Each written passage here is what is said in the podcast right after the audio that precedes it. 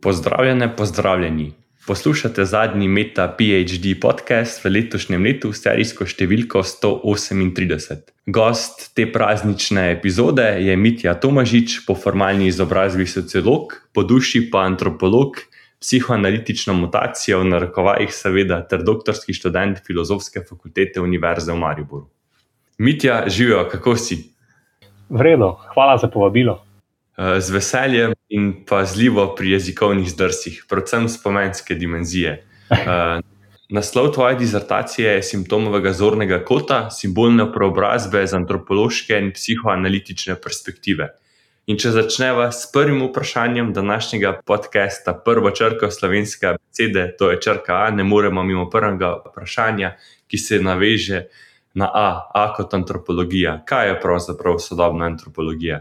Precej kompleksno vprašanje in tudi uh, ultimativno vprašanje, nasploh, kaj je antropologija. Ne?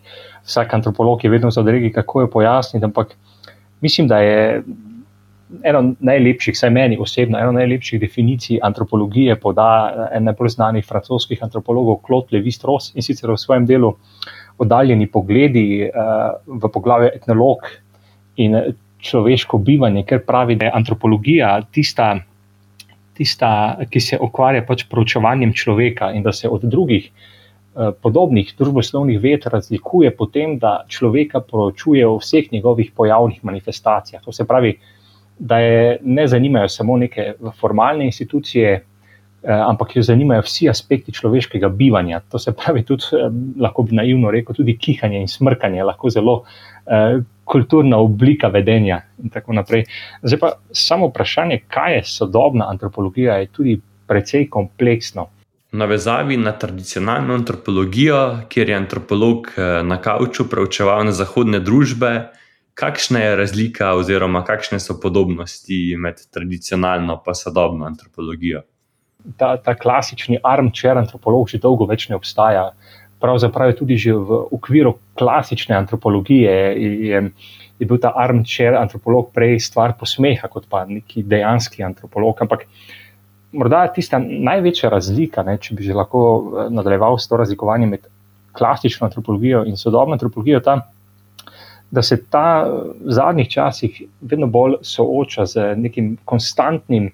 Refiguriranjem, skratka, premišljanjem svojega objekta proučevanja. Skratka, težko je govoriti o nekem enotnem antropološkem polju. Ne. To ima seveda več razlogov, zaradi katerih je to en, eno, je seveda globalizacija, da več nis, ne, ne živimo več v iz, nikoli, seveda, nikoli nismo živeli v izoliranih svetovih, zadnje čase pa je to še manj in tudi druge kulture vedno bolj povezujejo za našo kulturo. Uh, skratka, ampak že sam izraz kultura je tudi postal vedno bolj problematičen, vse več težko govorimo o nekih enotnih kulturah, vse več je govora o nekih hibridnih kulturah. In to je tudi razlog, zakaj je v okviru sodobne antropologije prišlo do tega, da, je, da se je pojavil en zelo širok spekter nekih zelo specializiranih področji, ki so zajeli vse mogoče oblike človeškega bivanja. Namreč, za razliko od klasične, sodobni antropologi več ne moremo upravljati tega klasičnega terena, kot je to recimo nekoč upravljal Bronislav Malinovski, ki je šel za dve leti proučevati Trobrijance, tam izolirano živel, proučeval njihovo kulturo, se učil njihovega jezika, z njimi spal, z, njihovimi, z njimi se prehranjeval in pogovarjal, karkoli tega danes klasični antropolog v tej obliki ne more delati. Se je pa zgodilo nekaj drugega, namreč, eh, da je antropologija tako rekoč prišla domov Skratka, antropologi danes vse več proučujejo tudi svojo lastno kulturo. Ne na zadnje je sleherni vidik, v katerem ti kot človek ne participiraš, je že nekaj tujega v tvoji kulturi. Skratka, da lahko z tega zornega kota proučuješ sleherni aspekt tvoje kulture, ki ti je tuj, katere, kateremu ti ne pripadaš ali pa v katerem tudi ne sodeluješ. Zdaj, seveda, to za posledico je preneslo tudi to, ta. ta specializacija, da, da je vse več govora o tem, da to neko enotno polje antropologije popolnoma razpada, da, da nimamo več teh nekih ground theory, teh, teh uh, splošnih teorij o tem, kaj je to človekova narava ali pa kaj to sploh je človek.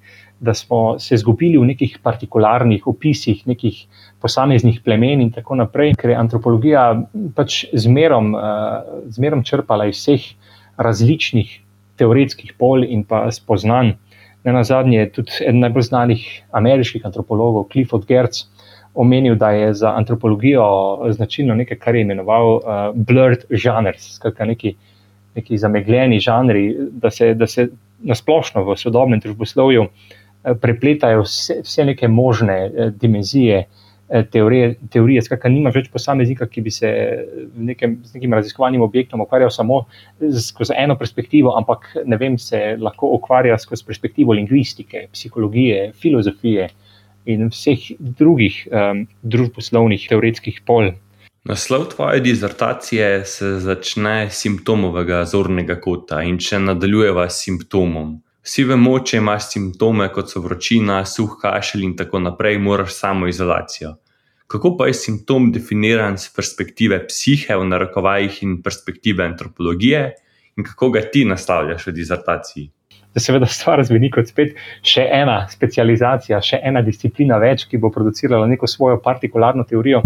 Ampak um, v bistvu moj interes je nekoliko bolj širši in lahko rekel, veliko bolj globalen. Saj skozi teorijo simptoma želim tudi na nek način rehabilitirati koncept kulture, ki je v antropologiji tudi nekako uh, v zatonu predvsem zato, ker se več ne govori o neki splošni kulturi, o neki kulturi, ki povezuje nek narod ali pa neko, neko skupino. Uh, vse bolj se je govora o diskurzih, o nekih uh, dimenzijah moči in tako naprej, in o, na, o narativih, ni več govora o uh, globalni kulturi kot taki. Seveda, s tem se tudi strinjam, ampak kljub temu je vseeno antropologija stoji in pade z enim svojim temeljnim konceptom in to je koncept kulture. Če mi odzamemo ta koncept, skratka, več na nek način, kaj bo pol delal še antropolog, če ne more poročevati druge kulture in če mu odzamemo koncept kulture. In seveda um, v, v te debate se vpisuje uh, moje zanimanje za simptom, kar pa je po drugi strani spet na nek način, po kdo rekel, malo čudno, kako zato, da se z simptomom ukvarja antropolog, ki poročuje človeka, skratka, ki se ukvarja z nečim kolektivnim, eh, na drugi strani pa imamo simptom, ki ga razumemo kot nekaj povsem individualnega, nekaj, nekaj kar zadeva zgolj posameznika in neke njegove travme. Skratka, in v tem oziru se tudi večkrat pojavi ta ideja, da je simptom privilegiran objekt ene popolnoma druge discipline, predvsem, predvsem polja biomedicinskega uh, diskurza, predvsem medicine in skratka psihiatrije. Uh, v kateri pa tudi, seveda, obstaja neka zelo splošna definicija tega, kaj je to simptom. Navadno je treba izpostaviti, da se v okviru medicine in pa splošno tudi v psihiatriji uh, govori o tej dihotomiji med znakom in simptomom, pri čemer je znak nekaj, kar pač uh, prepozna zdravnik kot neko motnjo, kot neko fiziološko motnjo ali kot neko okvaro na telesu ali kakorkoli, medtem ko je simptom Eh, za medicince nekaj, kar je zgolj eh, subjektivno izražanje posameznika, ki doživlja ta simptom. Skratka, gre zgolj za te predstave, ki jih ima o tem simptomu nek posameznik, ki je pač ta simptom. Doživel. In tukaj je že jasno, da uh, medicina zelo razparcelira človeka, ne na tisti njegov popolnoma organski del, ki, ki jo zanima, in, in pa na tisti neki subjektivni del, katerega pa poskuša čim prej odmisliti. Skratka, pusti pacijentu sicer, da pove, katere so njegove težave, ampak eh, v bistvu to, to subjektivno dimenzijo eh, medicinec pretvori na koncu v čisti znak. Skratka, s tem v bistvu popolnoma izniči simptomi in s tem izniči eh, govorico tega, tega pacijenta. Ampak pa, na tej točki pa je prav. Vstopi antropologija, ki pa jo um, zanima neko popolnoma drugi zorni kot, ali pa bolje rečeno, antropološki zorni kot omogoča popolnoma drugačno razumevanje simptoma. Namreč eh, simptom eh, omogoča pročevati kot simbolno in eh, kulturno formo izražanja posameznika. Seveda, tudi ta ideja simptoma kot eh, neke, neke simbolne in kulturne forme izražanja posameznika ni nekaj novega. Antropologiji ni nekaj, kar sem jaz na novo odkril, seveda bom poskušal to polje veliko bolj sistematizirati v, samem, eh, v sami disciplini antropologije simptomov, ampak simptom se je vsaj nekako implicitno um, v okviru antropologije že pojavil z, z to slavno šolo Culture and Personality, skratka kultura, šola, kultura in osebnosti. ki je nastala tudi v 30-ih letih v Ameriki, ameriški antropologiji, ker so se začeli antropologi zanimati za, predvsem za neke psihološke dimenzije posameznika. Še posebej jih je zanimal recimo, problem inkulturacije. Inkulturacija je proces, skozi katerega v bistvu posameznik ponotrani neke simbolne dimenzije kulture, v katero je socializiran. In pa seveda, kar je zelo zanimivo, na tej točki je določene antropologe, recimo kot sta bila Žorž de Vero in pa Geza Roheim, začel zanimati tudi odnos med individualno psiho posameznika in kolektivnim delovanjem. Pri tem jih je pa še posebej zanimalo, kako pojasniti problem kontinuitete kulture v duševnih procesov, procesih posameznikov. Skratka, in um, tukaj so nekateri, uh, nekateri antropologi ta problem kontinuitete kulture v duševnih procesih posameznikov skušali rešiti na tak način, da so izoblikovali neke specifične ideje o kulturi kot kolektivni fantazmi, ki jo seveda posamezniki projicirajo v zunanji svet kot odziv na neke svoje notranje.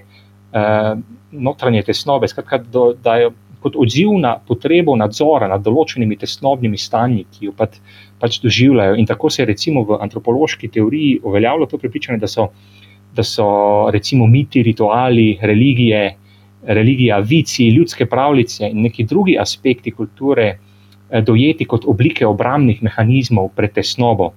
Medtem pa so, kar dovolj zanimivo, neki drugi antropologi eh, skušali povezati kulturni simbolizem z nekimi nezavednimi fantazmami posameznikov in so trdili, da čeprav je kultura plot posameznikove nezavedne fantazije, je hkrati tudi sredstvo, s pomočjo katerega pač posameznik lahko organizira lastne fantazije in uh, neka notranja psihična stanja. Torej, simptom kot nekaj patološkega, kulturnega, če poslušamo. Kaj pa je simptom za res in kako ga dojemaš ti, upoštevajoč semantične in kulturne dimenzije. Vidi se, da je sicer antropologija na neki točki uvidela ta neki izomorfizem med simbolom in eh, simptomom, vendar za tisto, kar je pač jaz vidim kot pomakljivo, je, pomakljivo je to, da je še simptom zmeraj naprej obravnavala kot nekaj patološkega. Uh, ampak tisto, kar pa mene zanima, je pa, da bom poskušal simptom uvideti kot nek ali pa prikazati kot kot uh, nek komunikativni, uh, komunikativni akt, kot nek, neko, neko ontološko pomembnost. Uh, to se pravi, da za mene, simptom, če kako ga jaz dojemam, ali pa tako, kako bi ga rad predstavil, je, da simptom predstavlja neko specifično obliko družbenosti in predvsem na zadnje specifično obliko družbene konstrukcije. Namreč simptom ni zgolj odraz neke individualne patologije, ampak je, če bi nekako v duhu Marcela Mosa rekel, odraz neke kulturno reprezentirane individualnosti in eh, predstavlja v tem smislu nekakšno idealno tipsko individualnost. Eh, v tem smislu mene simptom eh, zanima ali pa predvsem ga razumem, predvsem kot reprezentacijo določene družbene vezi, ki posameznika povezuje. Ki posameznika povezuje s kolektivnim, tako v kontekstu normalnosti, kot tudi uh, v kontekstu patološkega. To se pravi, da v tem smislu simptom skušam prikazati kot, neko, kot nekakšen vsebinsko odprt komunikativni akt, ki nastane v procesu različnih diskurzov, medsebojnega delovanja, vrednot, uh, vsakodnevnih izkušenj, lokalne vednosti in pa seveda nekih oblik zatiranja, ki obstajajo v neki kulturi. Seveda, kaj je tako novega na tem pristopu ali pa pomembnega, drugačnega, predvsem to, da takšen pristop eh, simptoma, kot seveda komunikativnega, odprtega komunikativnega akta, omogoča simptom dojemati kot nekakšno alternativno, ontološko formo bivanja v polju družbenega. Ampak eh, to, to še ni edina dimenzija, seveda, ki me zanima. Tisto, kar je še bolj v spredju moje naloge, je, da, da, da je na neki točki vseeno uh, ni dovolj, če obravnavamo simptom zgolj kot simbolno konstrukcijo, ne, ki v neki individualni obliki predstavlja zgoščeno strukturo kulture, ker namreč takšna zastavitev uh, bi bila pomankljiva. Um, predvsem iz tega razloga, ker ne bi upoštevala možnosti, da lahko kultura kot simbolni sistem pomenov ob določenih pogojih ne otegne subjektu podeliti mesta znotraj svoje pomenske strukture. V tem smislu me še posebej zanimajo pogoji, pod katerimi kultura ne zmore simbolno transformirati določenih subjektivnih afektov, recimo na raven nekega individualnega simptoma. Zdaj, zdaj vem, da to so neke precej kompleksne tematike, tudi ki zahtevajo tudi neko specifično predznanje. Teda na tej točki pa nekako ne morem mimo tega, da, da v antropologijo uvedem psihoanalizo. In kaj pa sploh je psihoanaliza? Moji prvi asociaciji so recimo Lakan Žižek, ali bi jo lahko mogoče razumeli kot stično točko k naslavljanju tvojega raziskovalnega vprašanja? Uh, ja, seveda. Ne. Psihoanaliza je tukaj zelo pomembna, ker nekako za uvedbo psihoanalize um, se odprejo neke dimenzije uh, za razumevanje pač antropološkega dojemanja simptoma, ki pa popolnoma novi aspekti. Zdaj, seveda, kaj moram tukaj izpostaviti, predvsem to, da sicer psihoanaliza na prvi pogled se zdi, da nima kaj iskati v antropologiji. Navadno psihoanalizo asocia asociiramo zgolj kot s tem, da zgolj predstavljamo nekakšno terapevtsko prakso, ki se ukvarja zgolj z nekimi individualnimi konflikti ali pa problemi posameznikov, medtem ko na drugi strani imamo antropologijo, ki se ukvarja zgolj z nekimi kolektivnimi, širšimi družbenimi eh, fenomeni, ki pa naj ne bi bili eh, individualni. Seveda, ta logika je precej zmotna, čeprav žal moram izpostaviti, da tudi, mar, tudi marsikateri antropolog, je sledil te logiki, tako recimo že znal britanski antropolog Edmund Leach razlikoval med um, individualnimi simboli in pa kolektivnimi simboli, ne, pri čemer je izpostavilo, da se antropologija naj ukvarja samo s kolektivnimi simboli, da se z individualnimi simboli nimamo kaj začeti. Seveda, to logiko so kasneje zelo kritizirali uh, različni antropologi, kot recimo tudi Devero in pa uh, med bolj modernimi uh, Ganat Obejesker, ki je sam izpostavil, da, da individualni simbol nikoli ni zgolj individualen, da vključuje tudi zelo pomembne aspekte družbenega. Ampak Kar bi tukaj mogoče jaz bolj izpostavil pri tem eh, pomenu psihoanalize za antropologijo, je tudi to, da mene v moji nalogi ne bo toliko zanimala ta medkulturna eh, veljavnost psihoanalize. Skratka, ne bom se ukvarjal toliko s tem, ali je mogoče teorije, teorijo psihoanalize aplicirati na neke druge kulture. Mene je bolj zanimala uporaba Freudove eh, logike, skratka, uh, same logike psihoanalize v tem smislu bom, recimo, bom kulturne fenomene mislil na način, kot je recimo Freud mislil za gate nezavednega. To se pravi, da je tisto, kar me bo zanimalo, je, um, da je potrebno misliti to prekrivanje področji individualnega, nezavednega in kulturnega. Se pravi, v točki prekrivanja kultura vznikne iz zagat nezavednega.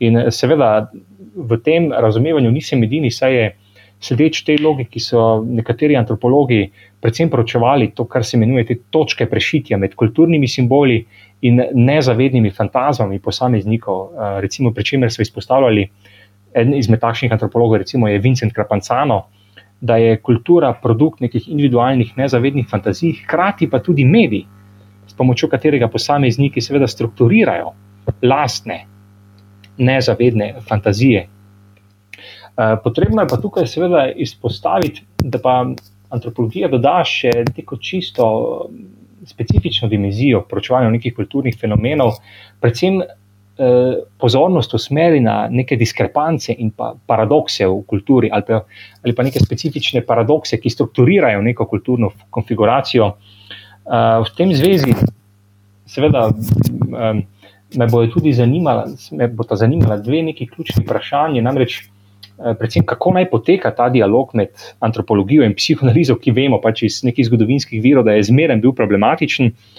Eh, in predvsem kako naj poteka ta dialog v odnosu do proučevanja subjektivnosti in pa simptoma, ter pa tisto drugo vprašanje, kateri so tisti ključni elementi psihoanalitičnega pristopa, ki imajo potencial, recimo, izvati antropološki pristop ter omogočiti možnost celovanja med disciplinama. Če se nekako navežem v navezavi na prvo vprašanje, bom uh, predlagal, da je epistemološko ni, ni plodno ali pa izguba časa, če se dialog med antropologijo in psihoanalizo osredotoča zgolj na neka mejna teoretska področja obeh disciplin, ampak uh, se je treba osredotočiti na bolj specifične in neke konceptualno bolj elaborirane topike obeh disciplin.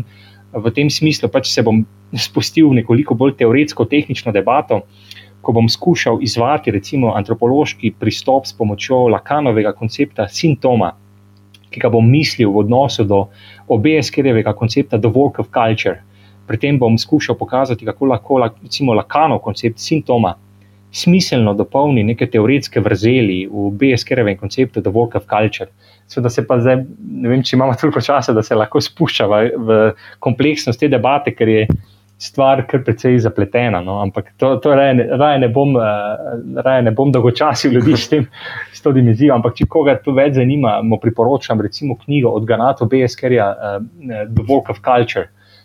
Uh, v navezavi na teoretske vrzeli, ki si jih omenil, predstavljam si, da jih bomo imeli ogromno, še posebej tekom poslušanja podcasta. Uh, zakaj je teorija tako pomembna in zakaj razvoj teorije tako radi zanemarjamo? Ja, seveda. Um, jaz mislim, da je to vprašanje zmerno tudi povezano um, s tem, uh, z vprašanjem trenutne družbene strukture. Mislim, zakaj sploh v tej trenutni družbeni strukturi več teorija ni pomembna. Eh, zanimivo, predvsem je tukaj delo od Rasla Jacobija, družbena amnezija, ki nekako govori o tem, da je predvsem v tem sodobnem neoliberalnem sistemu prišlo do tega, da, da smo sistematično začeli pozabljati uh, neke dimenzije teorije, da, da več sploh ni pomembna in da nam nič ne pojasni, ne? in predvsem ta osredotočenost na prakso. Seveda ne bom zanikal, to, to je zelo znana logika, da teorija brez podatkov je seveda slepa. Ampak še bolj pomembno je, da, pa, da si pa z podatki brez teorije nimamo kaj začeti.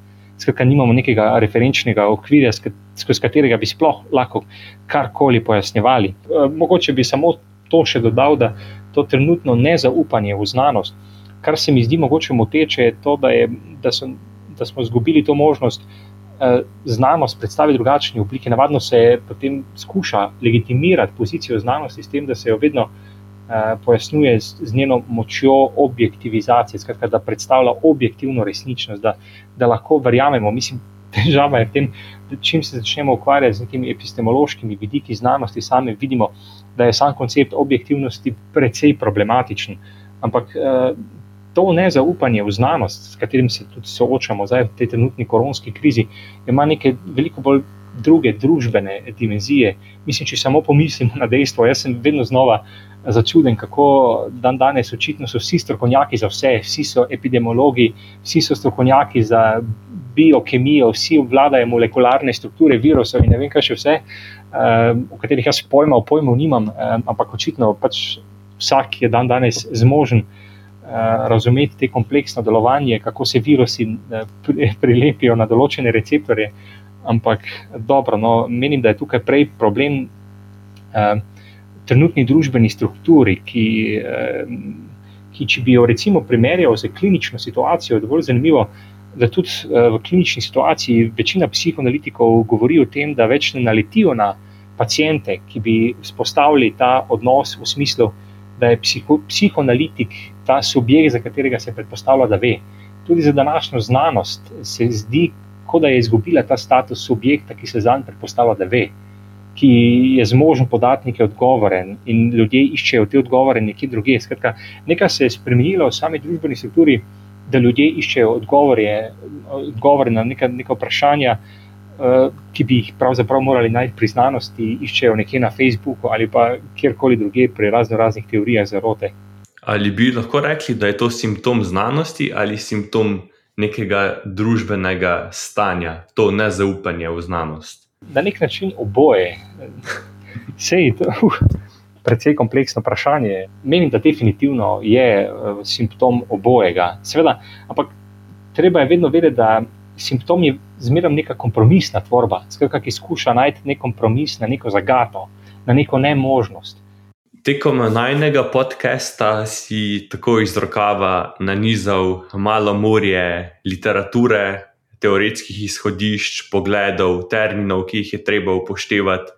A je to mogoče izhaja že iz tega izhodišča, uh, ko ste enkrat v preteklosti, tekom študijskih let, vzpostavili bralni krožek ravno zato, da bi gradili to teoretsko znanje? In kaj ste takrat delali tam? Ja, seveda, to, to so zelo lepi spomini še na tiste dodiplomske študijske čase. Ja, v tem času eh, nas je bilo teh par entuzijastov, ki nas je zanimalo še nekaj več, ki smo pač na predavanjih slišali te neke, poslušali o vseh nekih razno raznih možnih družboslovnih teorijah.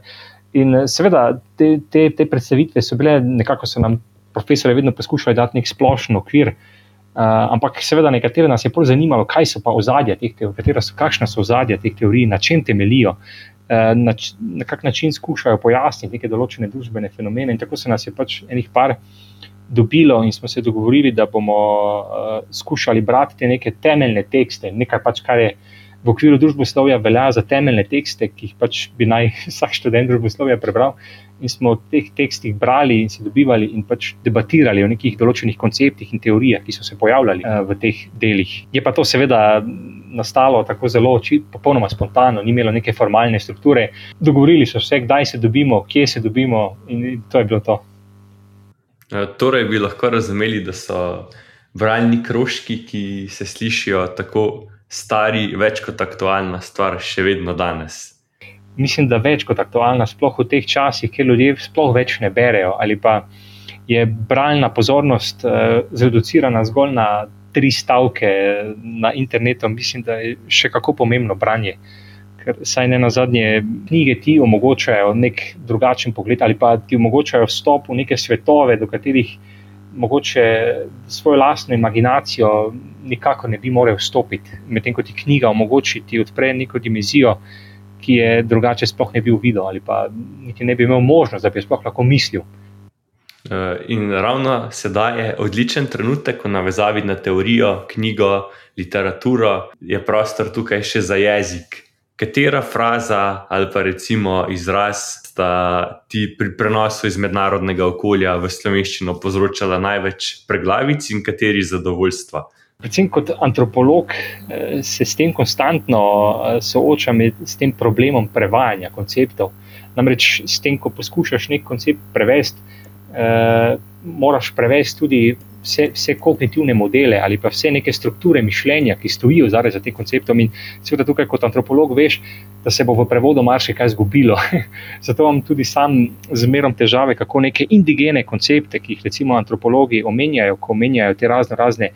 Uh, To, kar se jim spet uporablja, je ta koncept culture bound syndrome, ko opisujejo te kulturno upisane simptome, kako bi rekel, ki so značilni za določene kulture, seveda uporabljajo neke indigene termine, ki jih je skoraj nemogoče prevesti, če jih ne prevajaš v kontekstu jezika, v katerem so izrečeni. Um, je pa nek koncept, ki me zadnje čase precej zanima, ko se ukvarjam s tem problemom embodimenta, utelešanja. To je nek, neka teoretska perspektiva v okviru medicinske antropologije, ki se je osredotočila na antropološko proučevanje telesa. In recimo v tem okviru je en antropolog, Thomas Otz, izpostavil to zanimivo distinkcijo, eh, ki jo pozna zaenkrat samo nemški, samo nemški jezik, ali ki je lastna, vsaj kot sem jaz preveril, zgolj nemškemu jeziku. In to je to razlikovanje med krapa in lajp.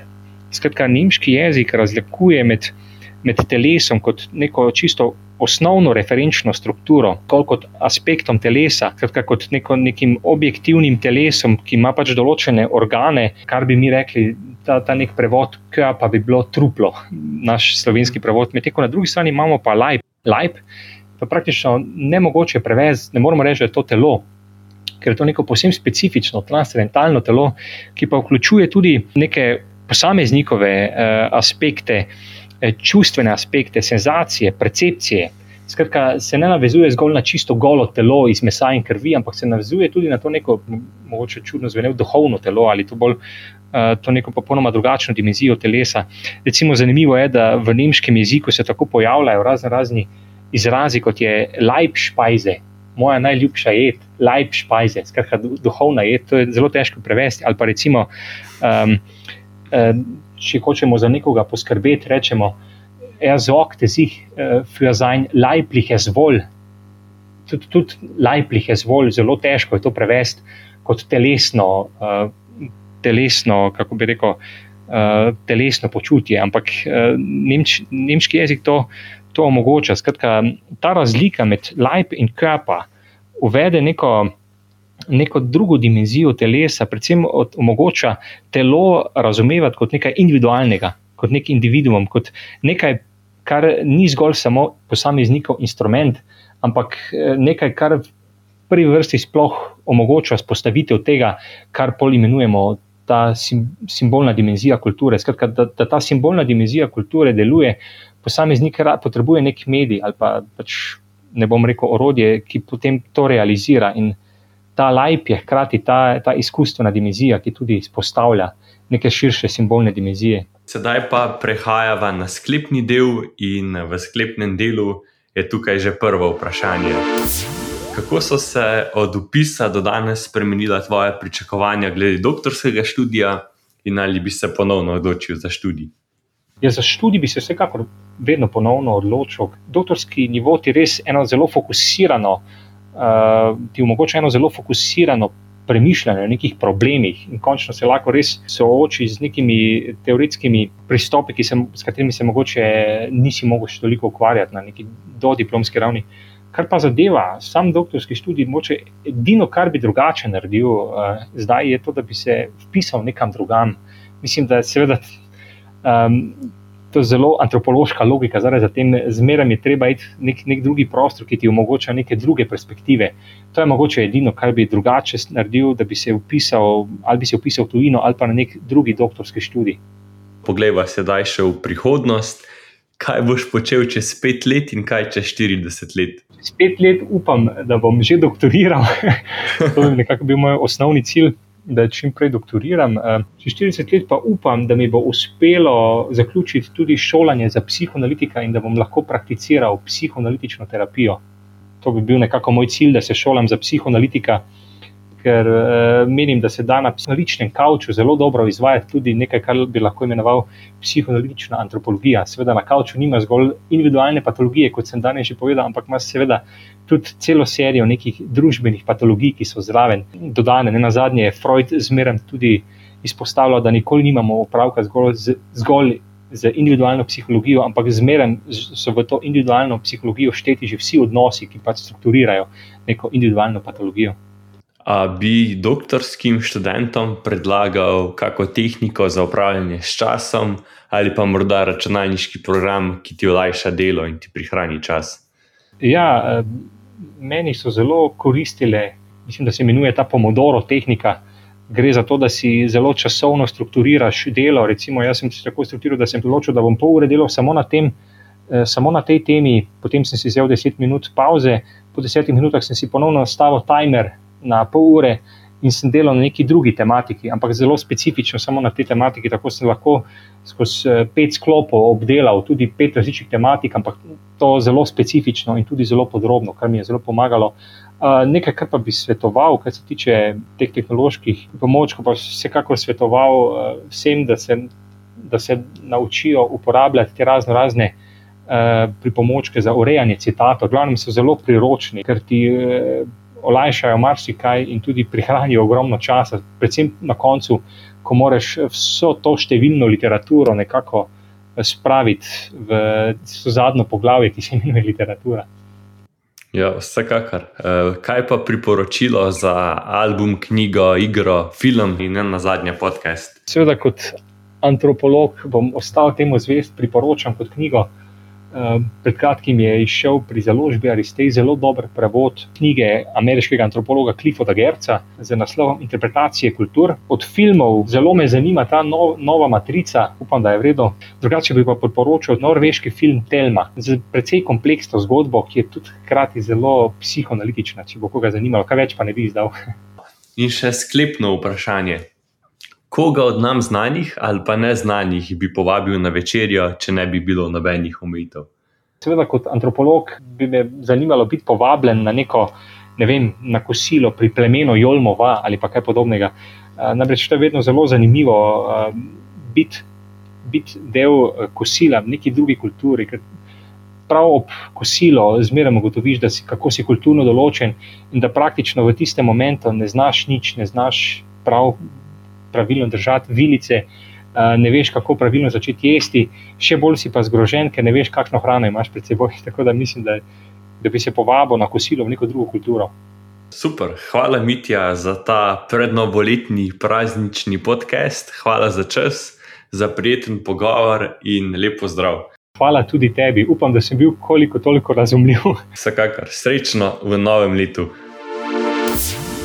Poslušali ste Meta podcast, v katerem se pogovarjamo z mladimi znanstvenicami in mladimi znanstveniki iz različnih področji znanosti. Podcast domuje na spletišču metinalista.si, kjer najdete tudi druge zanimive znanstvene vsebine.